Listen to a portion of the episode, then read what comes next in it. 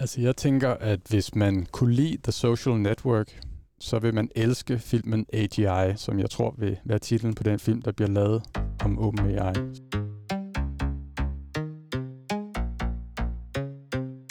Techtopia.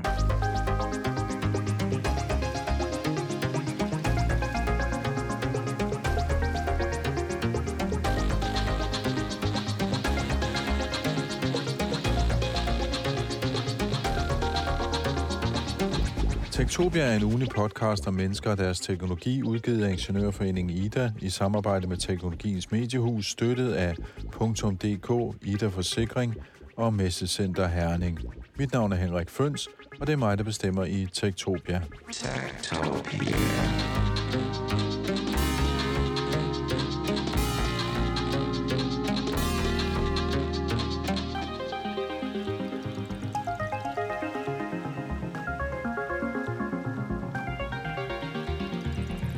Måske kan man huske filmen The Social Network, der portrætterede Mark Zuckerberg og hans skabelse af Facebook i sin tid. Og på samme måde, så kan man måske få en film i fremtiden om Sam Altman og hans skabelse af OpenAI og måske senere en generel kunstig intelligens. Der har været øh, underholdning for alle pengene. Jeg tror, hvis man åbner New York Times her de sidste, øh, sidste uge, så har det simpelthen været OpenAI og, og, og Gaza, som har været konkurreret om toppladsen. Så på den måde er det jo ligesom rykket helt frem i vores verdensopfattelse. Det er nemlig sådan, at man i den forgangne uge ikke har kunnet åbne en eneste avis, uden de har fortalt om OpenAI og den nedsmeltning, der foregik i virksomheden, som så alligevel blev reddet på målstregen, hvor Sam Allman blev genindsat som øh, administrerende direktør, og kritikerne de blev smidt på porten. Jeg har besøgt studiet af en dansk forsker i machine learning. Ja, mit navn er Ole Winter. Jeg er professor på øh, Københavns Universitet i bioinformatik, og så er jeg også professor på DTU i øh, maskinlæring. Ole Winter, han vil hjælpe mig med at øh, vende begivenhederne hos OpenAI og også kigge på, hvad det egentlig er for noget teknologi, vi snakker om, og om det overhovedet kan lade sig gøre at lave den her sådan, generelle kunstige intelligens, der jo altså er en kunstig intelligens, som øh, faktisk øh, kan mere, end vi mennesker kan. Men det er også den, der har forårsaget hele konflikten hos OpenAI. Det der med kunstig intelligens er også et svært øh, koncept, fordi det forudsætter, at man ligesom definerer, hvad naturlig intelligens er. Og, øh, og inden for kunstig intelligens, der er ligesom den, den smalle kunstig intelligens, og så er den generelle kunstig intelligens. Og vi har bygget masser af smalle systemer. For eksempel, når jeg skal navigere til herud til, så skal jeg bruge måske Google Maps, hvis det er nødvendigt. Så det er ligesom et, et, en, en smal AI, som kan løse et bestemt opgave. Og her har vi så ligesom øh, en, vores, chat, vores favorit, øh, ChatGPT, kan jo i princippet svare på hvad som helst. Den, der er nogle ting, den ikke er så god til, men den, er ligesom, den kan det hele. Og det er ligesom, man håber, at man kan lave en, der kan det hele, og som på sigt bliver smartere, end vi er. Men det er jo den her sådan, singularitetstankegang, som man jo har hørt også fra sådan en som Ray Kurzweil i tidernes løb. Altså at vi på et eller andet tidspunkt rammer et punkt, hvor den her sådan, kunstig intelligens er mere intelligent, eller kan mere end alle os mennesker til sammen. Og så ved vi ikke, hvad der sker. Ja, og der kan man så sige, at det, det der er specielt ved Silicon Valley, det er, at det er en kombination af hyperkapitalisme, og så alle de her folk, som er meget, meget interesseret i, hvad te- hvordan teknologien kan ændre vores fremtid. Og det er ligesom det, som jeg ser som sådan et, et brag, hvor de to sider er ligesom stødt sammen. Og på nogle punkter, så er det selvfølgelig de samme personer, der vil begge dele, men på andre punkter er der nogle konflikter. Men hvis man så kigger på ChatGPT eller på GPT generelt, øh, og måske også nogle af de andre ting, som altså DALI, deres øh, billedgenereringsmodel og deres øh, øh, whisper, som man kan, man kan tale til, som kan, kan hvad skal man sige, transkribere øh, menneskelige tale osv., er, er det så den type teknologi, der vil bringe os til det punkt, hvor vi har sådan en generelt kunstig intelligens? Altså man kan sige Whisper, hvor den kan forstå, hvad vi siger og lave det om til tekst, det er sådan set bare et interface. Og mm. der lige er også et slags interface, fordi det betyder, at, at ligesom tekst kan blive lavet om til billeder, og så er der selvfølgelig også en komponent, hvor vi kan give det et billede, og den kan fortolke det som tekst eller repræsentationer.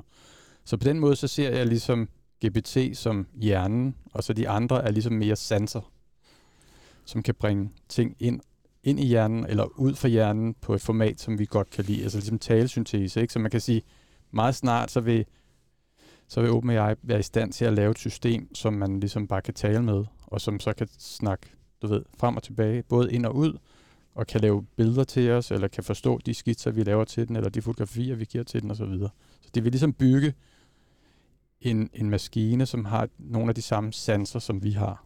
Men GPT er, vil jeg sige, vil være hjernen. Så, så dybest set så handler det om, hvad kan man sige, at øh, på en eller anden måde skal den her teknologi være til stede i vores verden, eller i hvert fald forstå, hvordan den ser, ser ud. Øh, men det er vel en måde, det, det er noget, man har prøvet gennem flere år, bare på en anden måde, ikke? Altså at bygge sådan et, øh, hvad skal man sige, en, øh, hvad skal man sige, en terminologi, hvor maskinen kan forstå, at det bor har fire ben, og det står ikke i loftet og sådan nogle ting. Ja, og det kan man så sige, det den måde, som, det der er fantastisk ved GPT er jo, at den kun baserer sig i udgangspunkt som tekst. Det vil sige, mm. den har aldrig set farven rød, men fordi den har læst mange tekster om farven rød, så har den en ret god idé om, hvad farven rød er associeret med i den menneskelige verden, og på den måde kan den ligesom simulere en form for menneskelig sansning omkring øh, forskellige koncepter, som er i den fysiske verden. Men det er klart, når du så først begynder at give den evnen til at kigge på den, menneske, på den menneskelige verden, så kan man så ligesom udvide den dimension af det. Så på den måde kan man vel godt sige, at det minder lidt om menneskelig intelligens, forstået på den måde, når vi møder noget, vi ikke ligesom har mødt før, så sammenligner vi det med et eller andet, vi kender, så tænker vi, om det er nok, øh, det er nok en bil, eller det er nok et bord, eller det er nok en, øh, det er nok en ko, den der, eller whatever det nu måtte være. Ja, det kan man sige. Og, og menneskelig intelligens er også... Øh, Altså, der er nogle ting, der er forskellige fra menneskelig intelligens, som også for eksempel Jan LeCun, som man kendt øh, maskinlæringsforsker. Som arbejder under, hos Meta i dag, ikke? Som arbejder hos Meta, men stadigvæk, synes jeg, har en...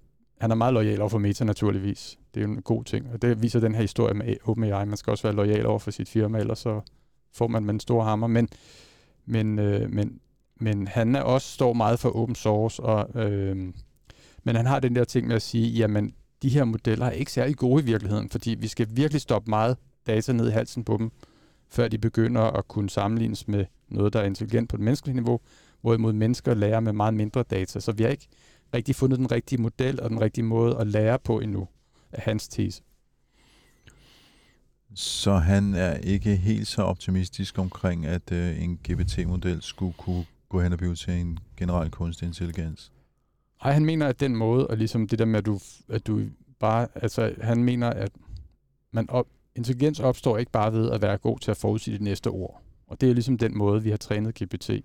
Mm. I udgangspunktet er, at vi bare giver den en masse tekst, og så skal den ud fra en kontekst ligesom sige, hvad er det næste tegn. Og der siger for eksempel Ilya Sutskever for OpenAI, det er ligesom, hvis man er enormt god til at gøre det, så er man intelligent. Hvis vi kan, det er ligesom det, der er kendetegn ved, ved naturlig intelligens, hvis man kan navigere i verden, så handler det jo også om at kunne forstå, hvad der vil ske næste delta T i verden. Og det mener, de, det mener OpenAI er nok til at skabe intelligens. Det mener Jan LeCun ikke. Han siger, at der skal være noget nyt. Man snakker om det her med autoregressivt, altså det der med et skridt ad gangen. Det siger han, det er ikke nok. Hvad mener han så, der skal til? Ja. han har fået den der Turing-pris, som ligesom er uh, detologiens uh, Nobelpris, så han han kan jo øh, komme med øh, påstanden resten af sin karriere, uden der er nogen, der vil være efter ham. Så jeg vil sige, han, han siger ikke, altså, han siger noget, men det er jo ligesom et forskningsprogram, og så må folk jo bide på, og så, og se, og så forfølge den, hvis de tror nok på det. Men man må så sige, at øh, de mennesker, der er ansat hos OpenAI, har stiftet OpenAI, de tror på det. Øh, nu nævner du selv ham her, Ilya Suskevi som er, jeg ved faktisk ikke helt, hvad hans position er i firmaet, efter de har restruktureret, men han var jo øh, teknisk direktør før. Han var ikke teknisk direktør, han, var, han var leder af forskning. Og det var sådan, det var? Okay. Ja. ja. Og en af mine, øh, du ved, øh, på se- og hør-niveau, øh, teorier var, at, at han var ved at blive kørt lidt ud på et tidsspor, fordi det var faktisk sådan, at i bestyrelsen, hvis vi skal ligesom gå lidt ind i detaljerne omkring, hvad der skete, så var det sådan, at i bestyrelsen sad der, sad der seks personer, og der sad ligesom tre personer, som repræsenterede ligesom grundlæggerne, og det var Ilya Sutskever, Sam Altman, direktøren, og så præsidenten, som hedder Greg, Brock, Greg Brockman. Og de tre var ligesom repræsentanterne for firmaet, der havde været med til at starte det sammen. Og man måtte ligesom gå ud fra, at de, de var på samme side, at de havde den samme holdning. Men de tre eksterne fik så Ilya Sutskever med på holdet om at fyre Sam Altman, altså her sidste mm. fredag for under en uge, øh, for under en uge siden, ja. By the way, om en uge, så har ChatGPT et års fødselsdag. Det er meget sjovt at tænke sig. Det kan vi jo så, det kan vi jo så fejre, at det stadig eksisterer. Men, men, men grund til, at jeg nævner, nævner ham, det er jo fordi, øhm, der har været masser skriverier. Der har blandt andet været en meget dybdeborende artikel i øh, The Atlantic, det amerikanske tidsskrift, øh, hvor de har snakket med en masse ansatte, godt nok anonymt, øh, men øh, hvor øh, Ilya Suskeva her, han øh, bliver betegnet som øh, næsten øh, religiøst optaget af at bygge en AGI, og har haft sådan et mantra, han har fået alle folk til at råbe uh, Embrace uh, the AGI, tror jeg det var, altså omfavne AGI'en. Eller Feel the AGI. Uh, eller føl den, ja. Feel the burn, ikke? Så Feel the AGI, ja. Uh, men samtidig har han jo haft den der nervøsitet, som du siger, for at, uh, at det måske bliver for magtfuld en teknologi, som uh, tager kontrollen fra os. Og der er også et eksempel i artiklen på, at han har lavet sådan en, uh, en figur af træ, som skulle sådan symbolisere det onde, som de ville bekæmpe, som, som han så brændte på et bål til et arrangement ved øh, en eller anden skovtur med firmaet eller så videre. Øh, det virker som om, der er nogle meget sådan voldsomme, næsten semi-religiøse følelser på, på spil i det her miljø. Altså, hvad, 100, hvad er det, der foregår? Altså 100 procent. Jeg har fulgt Elias Sutskevers karriere ret lang tid, øh, og han, har ligesom, han kommer ud. Han var jo phd student hos Jeff Hinton, som ligesom en af godfaderen inden for kunstig intelligens. Og øh, altså, han er jo sådan en gal og genial russer. Altså, han kommer oprindeligt fra Rusland. Jeg tror, at hans familie emigrerede til Israel, og så flyttede de videre til Kanada. Øh, så han er gal og genial, og det betyder også, at han er meget sådan emotionel omkring de her ting. Ikke? Og det er jo klart, at hvis man er meget, meget klog, og, og så man øh, oplever nogle ting med de her modeller, lige pludselig kan noget, som hvor kom det fra, så kan man jo godt have nogle semi, semi-religiøse oplevelser omkring det, ikke? og så kan man lige blive grebet lidt af det. Og øh, jeg glæder mig til, når filmen kommer, så får, vi, så får vi sandheden at vide om, hvad der skete i de der rum. Men han blev jo så lukket med, til at sige, at Sam Altman skulle fyres. Og så gik der ikke så mange dage, så var der alt det her ballade, og så, ligesom, så øh, lavede øh, Sam Altman og så direktøren for Microsoft, de lavede sådan en power move, hvor de sagde, øh, hvor de sagde jamen, vi, vi laver bare OpenAI igen, bare inden for Microsofts mure. Og så var der meget hurtigt et Google Doc, der blev, øh, der blev sendt rundt blandt OpenAI's øh, medarbejdere, hvor de kunne skrive under på, at øh, at hvis øh, uh, Altman ikke kom tilbage, så ville de så, øh, så ville de så ligesom gå ind i det her Microsoft-foretagende. Og så var der så måske, øh, tror jeg, jeg hørte et tal om, der var 700 ud af 770 medarbejdere, inklusiv øh, Elias Sutskever, som havde været med til at fyre Sam Altman få dage før, som skrev under på det her brev. Og så kan man så sige, så er bestyrelsen virkelig på spanden, ikke? fordi så står de lige pludselig selvfølgelig med et firma, som har øh, har alle, alle de intellektuelle rettigheder til det her, men ikke har nogen medarbejdere, og der ligger meget viden hos dem. Ikke? Så det vil mm. hurtigt sådan, mm. huset vil hurtigt brænde ned, hvis, hvis det blev, øh, blev et faktum. Hvis vi lige skulle runde det med Microsoft der, fordi øhm, selvfølgelig har de en enorm interesse, fordi de har investeret, hvad jeg tror, det er 13 milliarder dollars i OpenAI. Det, det betyder intet. Det betyder, det intet. betyder ikke noget. Nej, nej, det er ikke det pengene. Det er, for Microsoft er det her, at de med et slag er blevet de sejeste inden for, for kunstig intelligens. Mm. Microsoft har haft altid brugt mange penge. Altså Bill Gates fra starten har været vild med forskning, men de har været enormt dårlige i deres Microsoft Research til at det få ud i produkter. Så kommer der lige pludselig det her øh, startup, som har fundet ud af noget med GPT, og så øh, finder OpenAI så ud af, jamen vi kan ikke blive ved med at skalere, vi mangler simpelthen computerkraften, og den har Microsoft selvfølgelig i deres Asia-platform. Og så laver de den her alliance, og så kan direktøren for Microsoft så se, det her, det kan vi virkelig bruge til noget. Vi kan tage al vores gamle kode, al vores gamle, hvad hedder det, Windows 365, eller jeg kan ikke huske, Office 365, en masse gammel, 40 år gammel kode, og så kan vi give det en ordentlig gang lagt med AI, og så er det et nyt produkt. Og det er altså, der, i den forbindelse, hvis man kan det, og kan få folk til at betale for det, så er 13 milliarder dollars ingenting. Så det var ikke fordi, de var bange for at miste deres penge. De var simpelthen bange for, at deres satsning på at bygge det her ind overalt i det her Copilot, de snakker om, den ville forsvinde, hvis nu, at øh, der ikke var nogen partner, der hedder OpenAI længere. Så de var, de var smarte og handlede hurtigt der, Microsoft. Det giver jo god mening. Øh, jeg, jeg var inde og kigge på, fordi nu i den periode, hvor Sam Altman så ikke var direktør de der fire dage, eller hvad der var, der blev han jo så tilbudt øhm, et forskningscenter hos Microsoft. Og jeg kigger på, hvad, hvad de har andre, hvad skal man sige, investeringer andre typer kunstig intelligens, de arbejder med. Altså det virker som om, de har meget, hvad skal man sige, bredere felt, som man kunne få lov til at arbejde med. Så, så hvorfor var det i virkeligheden ikke mere interessant, altså? Ja, det, jeg tror, det... Altså, de skulle så starte forfra. Altså, han ville så kunne få 700 medarbejdere med, og så kunne de så ligesom bruge det, bruge det næste halve år på at bygge det hele igen. Og så skulle de, de skulle træne en ny model. De skulle træne en ny GPT-4, ikke? Øh, mm. Eller måske 4,5. Og, og der kan man så sige, det er ikke det, det, det er selvfølgelig muligt, men og man kan så ligesom bruge de, alle de erfaringer, som medarbejderen har for, hvad skal være det næste, og putte det ind i, men der vil være en masse fnider, og så, så vil der være en masse potentielle konflikter med OpenAI, som Microsoft jo også havde en aftale med, og som de også gik ud og sagde, at de var stadig, øh, den aftale holdt de stadigvæk, selvom de ville bygge det her nye center og sådan noget. Så det ville bare gøre tingene mere komplicerede, ja. og efter sine så ejer Microsoft jo allerede 49 procent af OpenAI, så hvorfor skulle de bygge det igen, kan man sige. Ikke? De har allerede rigtig stor indflydelse på OpenAI.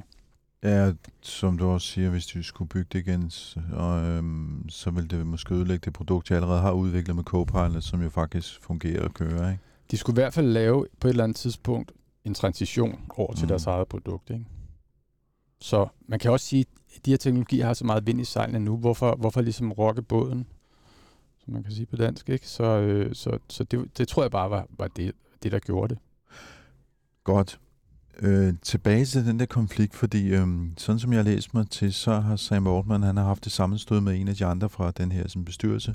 En kvinde, der hedder Helen Toner, som øh, er øh, øh, chef for det, der hedder Center for Security and Emerging Technology på, og nu kan jeg så mig ikke se her på den her rapport, hvad det er for et universitet.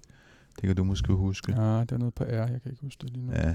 Anyway, hun er akademiker, hun er kritisk over for kunstig intelligens, og også med sådan en, øh, en, øh, sammenslutning af sådan nogle mere altruistiske personer, som gerne vil bygge kunstig intelligens, men gøre det på en, hvad skal man sige, en sikker måde, så det ikke kommer til at true os som mennesker, øh, eller ødelægge samfundet, whatever man nu kan, kan, kan have af idéer om, hvad kunstig intelligens skal slippe afsted med. Og hun har så været med til at skrive den her rapport, som faktisk kritiserer øh, OpenAI for at gå for hurtigt ud med de her produkter, altså hvad skal man sige, den kommercielle del af firmaet, som Sam Altman står for. Øh, fordi hun siger, jamen altså, man er nærmest med til at starte våbenkapløb, for pludselig så skal Google og andre komme ud med umodne modeller af deres øh, øh, generative AI. Ser du det også sådan, altså er der, er der, er der altså, går, det, går det for hurtigt det her? Øh, det synes jeg egentlig ikke. Altså, altså det, ved, det er jo, øh, hvis du er ude, hvis det er kapitalisme, så handler det jo om at være bedre end de andre, ikke? På, en, på den ene eller anden måde. Måske hvis, hvis man der er bedre på, at man laver noget, et bedre produkt, som giver folk mere værdi, så er det jo den bedste form for kapitalisme. Så det ser jeg ikke noget problem med overhovedet. Det ser jeg ikke noget problem med. Men det er klart, at det vi også snakkede om i starten, at OpenAI er sat i verden for noget andet i, i virkeligheden. For at ligesom at lave lave øh, kunstig generel intelligens, som gør, kommer menneskeheden til gode. Og de har den her lidt specielle konstruktion, hvor at ligesom den her non-profit, at det er dem, der bestemmer i virkeligheden. Så er der også nogen, der har været ude og sige, jamen bestyrelsen, da de træffede det der valg med at fyre Sam Altman, så læste de sådan set bare, hvad deres formålsparagraf var, og så handlede de efter den. Øh, og der kan man så sige, det er jo rigtigt nok et eller andet sted, men men så vil den yderste konsekvens være, at de siger, at vi, lægger, vi nedlægger os selv, fordi at vi ikke lever op til formålsparagrafen. Og det kan man så sige, nu er der en masse, der har skudt penge i, og de vil sige, nej, det synes vi nok ikke, at vores penge skal gå til. Og det er jo også en del af konflikten. Så vil jeg lige komme, komme tilbage til det der med den der altruisme. Det er jo en meget, øh, det er jo en meget sådan speciel form for altruisme, som er sådan noget, der hedder long-termism, hvor man ligesom sidder og måske lidt abstrakt ser på, hvad øh, man skal bruge sine penge, og man skal bruge, give nogle af sine indtægter for at komme menneskeheden til gode på lang sigt. Ikke? Og det bliver så, det bliver jo, synes jeg, en lidt problematisk form for altruisme, fordi så skal man for det første øh, selv bestemme, hvad man synes er en god måde, at verden skal se ud i fremtiden. Det er meget med det teknologien igen, hvordan teknologien skal præge verden. Og så giver det også en belejlig undskyldning for ikke at gøre noget ved problemerne, de har i dag, for man siger, ah, det behøver vi ikke, fordi på lang sigt, du ved, så er det måske AI, der truer, eller det er noget tredje andet, der truer, og det er så det, vi skal arbejde på i dag. Ikke? Og det, det gør så... Så det er sådan lidt...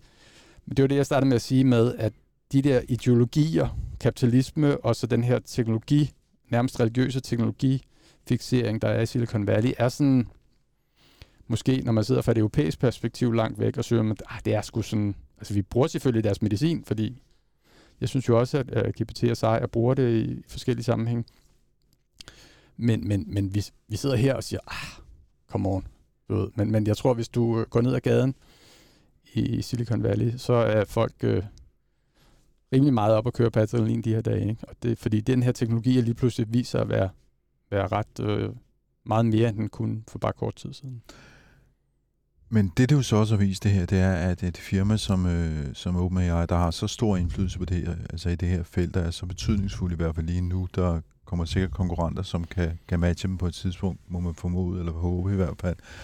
Øh, hvad, hvad, hvad betyder det, når man så sidder her i Europa for eksempel og bruger det? Altså jeg går ud fra, at du også bruger deres øh, teknologi og ChatGPT ja. og så videre til at ja. lave nogle af dine ting på, til ja. forskning og så videre.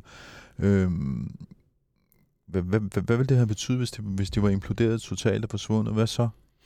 Altså man kan jo sige, at teknologi er jo en, er jo en øh, god ting at, øh, at arbejde med på den måde, at hvis, hvis nu, lad os, sige, lad os sige et tænkt eksempel. Vi bruger Google utrolig meget i hele verden. Men lad os sige nu, at der kom en eller anden form for handelsbarriere, så vi ikke kunne bruge Google i EU. Hvad vil der så ske? Jamen så i løbet af tre måneder, ville der være et europæisk alternativ, som ikke ville virke helt lige så godt som Google, fordi de har virkelig opbygget meget domæneviden og så videre, men ville virke ret godt. Og så kan man sige, så kan vi leve fint uden Google. Altså Kina er jo et godt eksempel på det. Der er meget få vestlig øh, IT-teknologi, som faktisk kører i Kina. Jeg tror, Microsoft er der med deres ting, ikke? Men, men, men Google er der ikke, og så videre. Og de kører jo fint uden det. Så på den måde er teknologi er taknemmelig. Og det samme ville ske, hvis vi ikke kunne bruge OpenAI, så ville der komme nogle andre, der er jo også jo, franskmændene er jo et stolt folkefærd, og de er jo rykket, rykket, rykket frem i bussen med, med AI. Så, øh, så, så de kommer også med nogle ting, men det er klart, at hvis man sidder og vælger, og det er også derfor, vi har alle de her markeddominerende, så vælger man noget, hvor andre er også. Ikke? Altså det er ligesom nogen siger jo, vi skal, vi skal gå væk fra Twitter, fordi Elon Musk, han er skør, ikke? Øh, eller ting der, det, ting, der er værre end det. Men, men du vil ikke gå over et sted, hvor der ikke nogen er. Ikke? Du vil ikke være den første, der, der går ind i et nyt socialt øh, Twitter-klon, og så, så er det, du er alene der. Det, det betyder meget. Så den her form for monopol, eller lidt bedre, gør, at folk bliver ved med at bruge en bestemt teknologi, men den er ikke uerstattelig.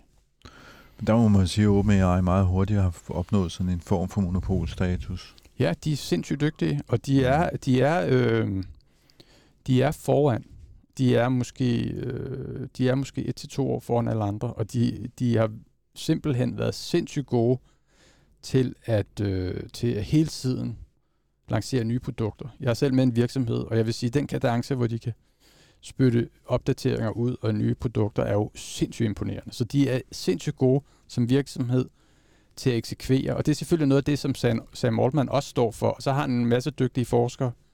Han skal selvfølgelig bare lige få for forskerne, og så dem, der er gode til at eksekvere på produkterne, til at ligesom øh, gå efter samme mål. Og det, det der har været en lille konflikt om nu, ikke? og måske bliver det lukket nu. En ting, jeg er ked af, er jo, at nu, nu, nu der sidder der tre hvide mænd i bestyrelsen. Der var to kvinder før. Så øh, på den måde, så er den ikke repræsentativ, vel? Og den er også meget sådan kommerciel lige nu. Selvfølgelig er de på en eller anden led bundet af den der formålsparagraf, men det betyder nok også noget, hvem der sidder i sidder i bestyrelsen, men de er stadig i princippet bundet af den, og den tror jeg ikke er lige sådan at slippe af med. Men hvis, hvis de ligesom kører som, et, øh, som en velsmurt kapitalistisk øh, maskine, så kan de jo godt have en lille sidegeschæft på 10% af deres aktiviteter, som handler om, om formålet, og så kan det være, det er godt nok, og så kan det være, det er den måde, de kører videre på.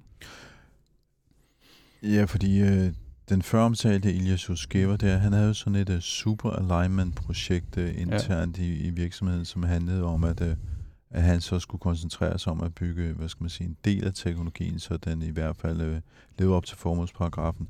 Jeg, jeg har ikke kunne se nogen steder, hvad der er sket med hans projekt. Uh. Nej, men en af de ting, der nok er sket før, før den her konflikt, det var, at han var blevet kørt lidt ud af på et tidsspor. Jeg lagde også mærke til dengang, hvor de kom med GPT-4, så udgav de en... Øh, en tech report, og det, der var meget karakteristisk for den sammenlignet med de tech reports, de udgav, eller artikler, de udgav for de tidligere GPT'er, det var, der stod mindre om, hvordan de havde gjort det. Ja, det var ikke så gennemsigtigt. Det, det var ikke så gennemsigtigt. Det var mere sådan, for. det var mere sådan nogle eksempler på, hvad den kunne, og så var det sådan, det her det er vores red team, altså sådan et team, der tjekker, hvor, hvor, hvor meget skade den kan gøre. Og, og der lagde jeg også mærke til, at den meget, meget lange forfatterliste til sidst, der øh, var Elias Hutski var ligesom nævnt på en måde, så det var helt klart, at han havde været med på et eller andet plan, men han, han var ligesom allerede der kørt ud på et sidespor. Mm. Ikke? Fra at være den, som var sidste forfatter på de tidligere GPT'er, så var han ligesom kørt ud på et tidsspor. Og det er klart, at når du har været med fra starten, og du har været hjernen bag nogle af de største landvindinger, de har gjort, og så bliver du kørt ud på et sidespor, og man, man ser sig selv som, som øh, en vigtig og, og klog person, det er jo ikke en fed øh, oplevelse. Sådan er det jo tit, når virksomheder starter, så er der måske to, der starter dem sammen, og så er, der, så, så er det ligesom den mest energiske, som, som er bedst til at dominere vejen, som kører den anden lidt ud, i, ud som en, som en øh, sidevogn. Ikke? Og det er jo det, der måske er sket også sikkert meget klassisk i, øh, i startups går ud fra. Men det er jo, men det, er jo det, det, det, du beskriver der, det er jo faktisk også det, der bliver beskrevet den der rapport, som Helen Toner fra hende, der så ikke er med i bestyrelsen mere, øh, har, har skrevet i sine øh, rapport der fra universitetet, så der var nok noget om snakken. Øh, lige det der med Europa, du siger, jamen så vil der komme et europæisk alternativ. Øh, to ting her, altså hvorfor har vi så ikke lavet det alternativ allerede? Og det andet spørgsmål, Hænger det sammen med, at øh, vi har så mange forskellige sprog, så det er svært at lave sprogmodeller i Europa, fordi dansk er for eksempel et meget lille sprogområde? Mm-hmm. Øh, altså jeg tror, at grunden er, at når der først er nogen, der har været dygtige, og man ved, de virker, Altså, vi er jo så gamle, vi har været med fra starten af internettet, hvor der var noget, der hed Alta Vista. Og mm. der var det bare sådan, hvis du havde lavet en side, hvor der stod dit, dit søgeord 10 gange, så vil du altid komme til den side. Ikke? Så det virkede jo ikke. Du kunne, du kunne spamme internettet meget nemt ved at lave nogle bestemte sider. Og det problem løste Google, og efter det har de jo ikke set sig tilbage.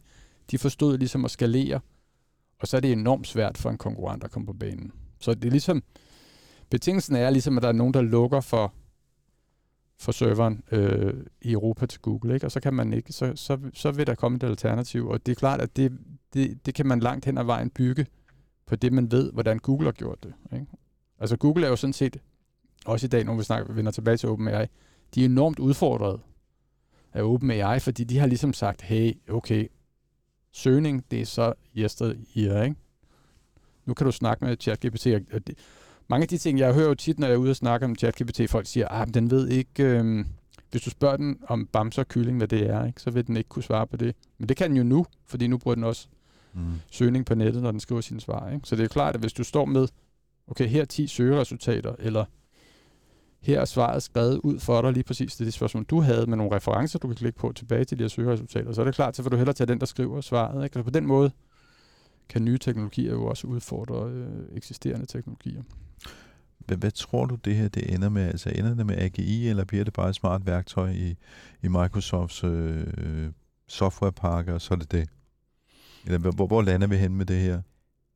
Altså, jeg tror kun, vi har set begyndelsen, fordi, som jeg sagde lige før, at, øh, at, at det der med, at hver gang vi ser noget, den ikke kan, så kan vi ligesom, øh, så kan vi, så kan vi zoome ind på det område, og så kan vi sige, hvilke data vi bruger for at forbedre det, og så kan vi træne igen. Altså hele det her paradigme med, at vi lærer fra data, det, det, har, det har vi altid troet på som maskinlærer, ikke? Øh, siden mine unge dage som, som specialstuderende på fysik i 1990'erne. Men, men det er først nu, hvor vi kan se, at, at at vi får virkelig, øh, vi får virkelig øh, øh, smæk for skillingen, når vi gør det. Ikke? Og på den måde kan man hele tiden, når man finder svagheder, gøre tingene bedre. Så, så øh, jeg, tror, jeg tror kun, det er begyndelsen. Det vil selvfølgelig, i starten vil det være bare et brugbart værktøj. Men så vil man så sige, her er et virkelig svært spørgsmål.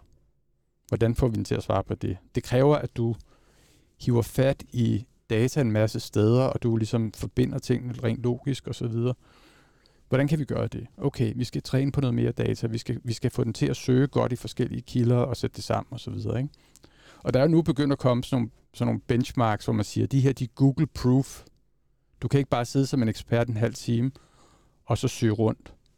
Og når de benchmark først begynder at komme frem, så er det klart, så vil alle forskere og OpenAI's forskere, de vil kaste over det og sige, hvordan kan vi løse det? Ikke? Og så har vi sådan ligesom rykket barn endnu mere. Så det vil for eksempel for mig som forsker, hvis jeg sidder og ligesom siger, stiller nogle spørgsmål, siger, hvordan, hvad hvis nu med det der, det der, hvordan, hvad vil der så ske? Så i dag er det sådan, okay, så vil jeg typisk kigge på det spørgsmål, så vil jeg sige, ah, det er et meget godt spørgsmål, men du ved, det vil koste en måned for mig at finde ud af, og det har jeg ikke tid til. Jeg skal skrive en masse e-mails, med en masse podcast. Så, øh, så det gør jeg ikke. Men forestil dig, at du så har en rimelig pålidelig sprogmodel, du kan spørge om det, og så få et svar i løbet af 0,5. Ikke? Så kan du hurtigt få afsøgt en masse hypoteser og få besvaret en masse komplekse spørgsmål. Og det vil jo svare til, at du ligesom sætter speederen i bund på din forskning. Og det er jo ligesom, igen, det er jo bare et værktøj, men det vil være et værktøj, der gør, at man arbejder med forskning på en helt anden måde. Og så er det selvfølgelig, så kører den videre på den måde, ikke? så bliver det bedre og bedre. Til sidst er det måske sådan en anden form for AGI. Kan man øh, skille på mellem definitionerne på AGI? Altså skal det være den her altomfavnende øh, kunstig intelligens, som ligesom kan ordne alting i hele samfundet? Eller kan man tale om øh, sådan domænespecifikke AGI'er, altså ting, som er udviklet til en stor virksomhed for eksempel, eller til en organisation, eller måske til et øh, folkestyre? Mm, det kunne man godt, ja. Altså man kan jo sige, at igen, vi er jo mennesker, og vi, hvor al, vores verden starter med os og slutter med os. Så vi møder jo også andre mennesker, som ved enormt meget om atomfysik, eller om øh, at få vaskemaskinen til at fungere osv. De, er jo, de er jo også AGI'er og har nogle, har nogle spidskompetencer. Så jo, det kan også godt være. Der kan godt være en smal generel AI. Så der kan godt være sådan en mellemstation mellem den smalle, smalle kunstig intelligens og den, øh, hvad skal man sige, den generelle kunstig intelligens, som er en, hvad skal vi kalde den, en, en halsmal generel kun, kunstig intelligens, eller hvad? Det kan da godt, ja, men man kan jo sige, at læren fra OpenAI's succes med GPT er jo sådan set, at det kan godt betale sig at gå bredt. Ikke? Mm. Fordi der får du noget, øh, du, du får nogle generelle evner ved at bare gå bred på data. Og det sagde altså Ole Winter, der er professor på DTU i Machine Learning, om balladen hos OpenAI.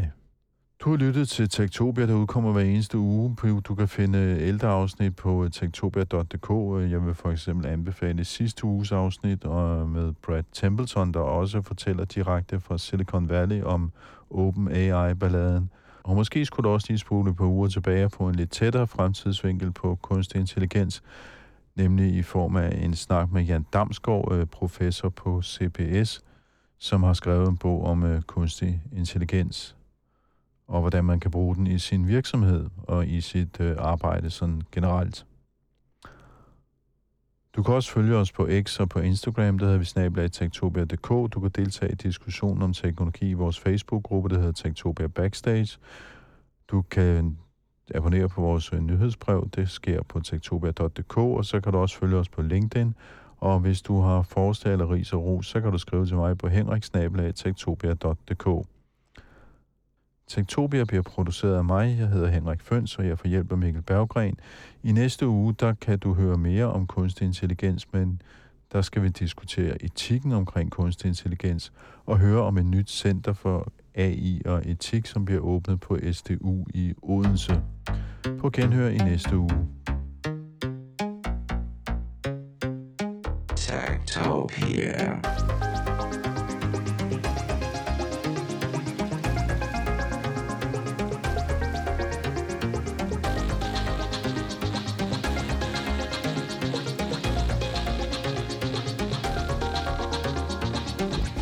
Techtopia er en ugen podcast om mennesker og deres teknologi, udgivet af Ingeniørforeningen IDA i samarbejde med Teknologiens Mediehus, støttet af .dk, IDA Forsikring og Messecenter Herning. Mit navn er Henrik Føns, og det er mig, der bestemmer i Tektopia. Tektopia.